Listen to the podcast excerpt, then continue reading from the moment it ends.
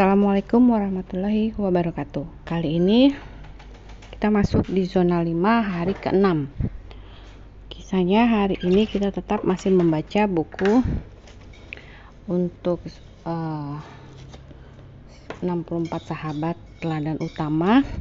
Tapi kali ini judulnya para pemimpin bidadari surga. Nah, kisahnya diawali oleh Siti Khadijah ya, kelahiran Siti Khadijah, cerita tentang Siti Khadijah, bagaimana Siti Khadijah itu menjadi seorang wanita yang dapat julukan atau hero, artinya yang menjaga kesuciannya.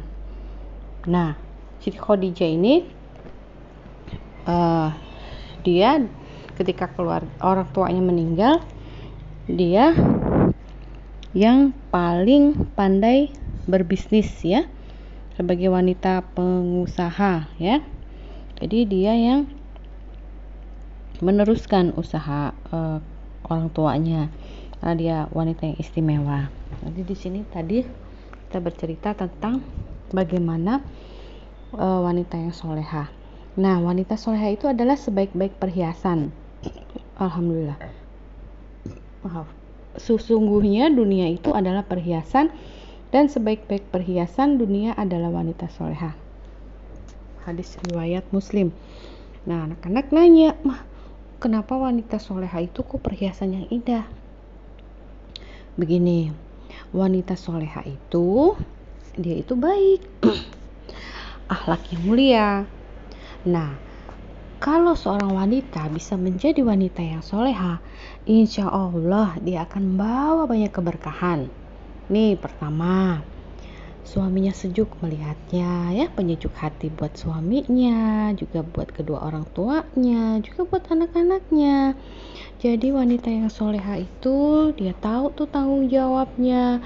Dia akan menjadi istri yang baik melayani suaminya dengan baik masak untuk keluarganya memberikan yang terbaik yang dia bisa.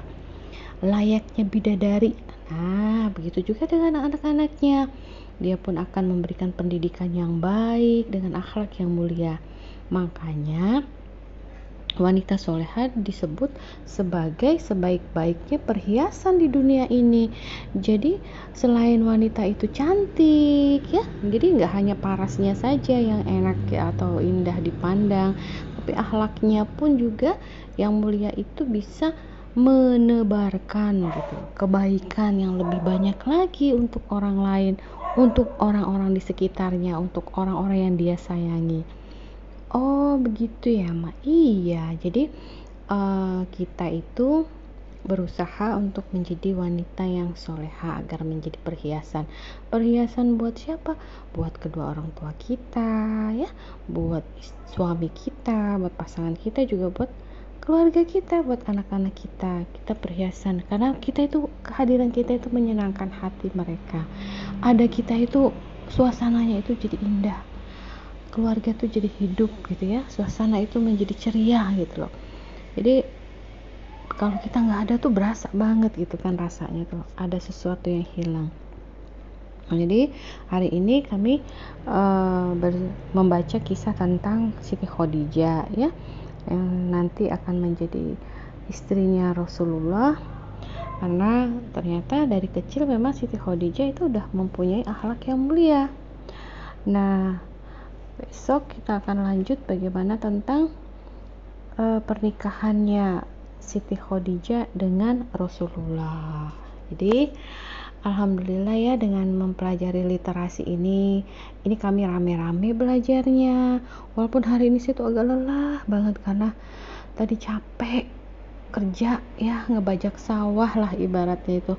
Pulang juga udah kesorean malah maghrib tuh sampai rumah.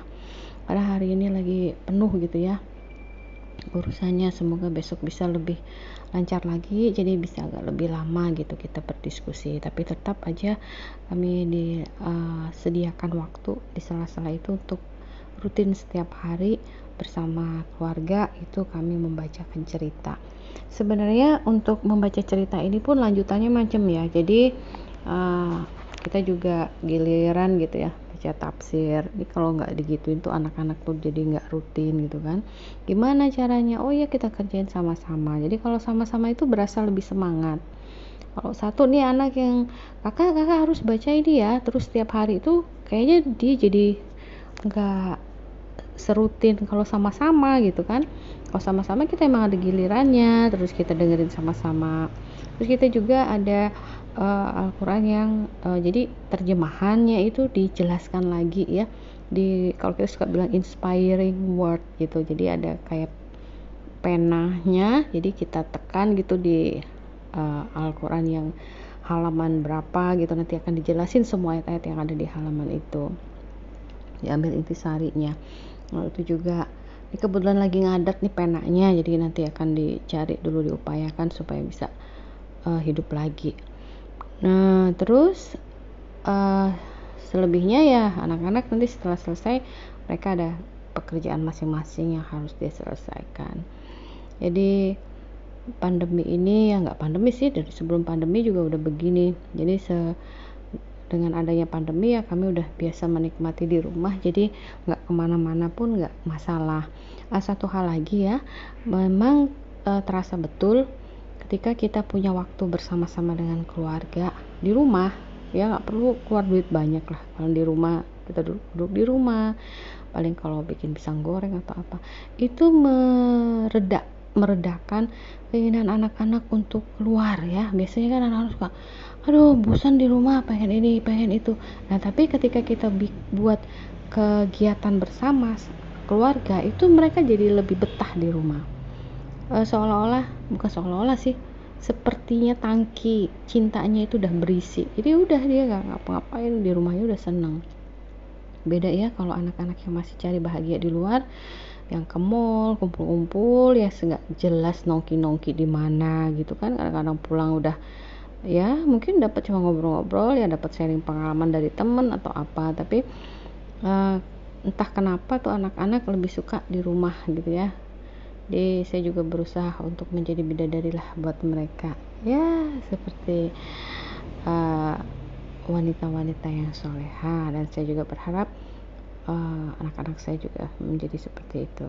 Terima kasih untuk malam ini. Sekian dulu. Assalamualaikum warahmatullahi wabarakatuh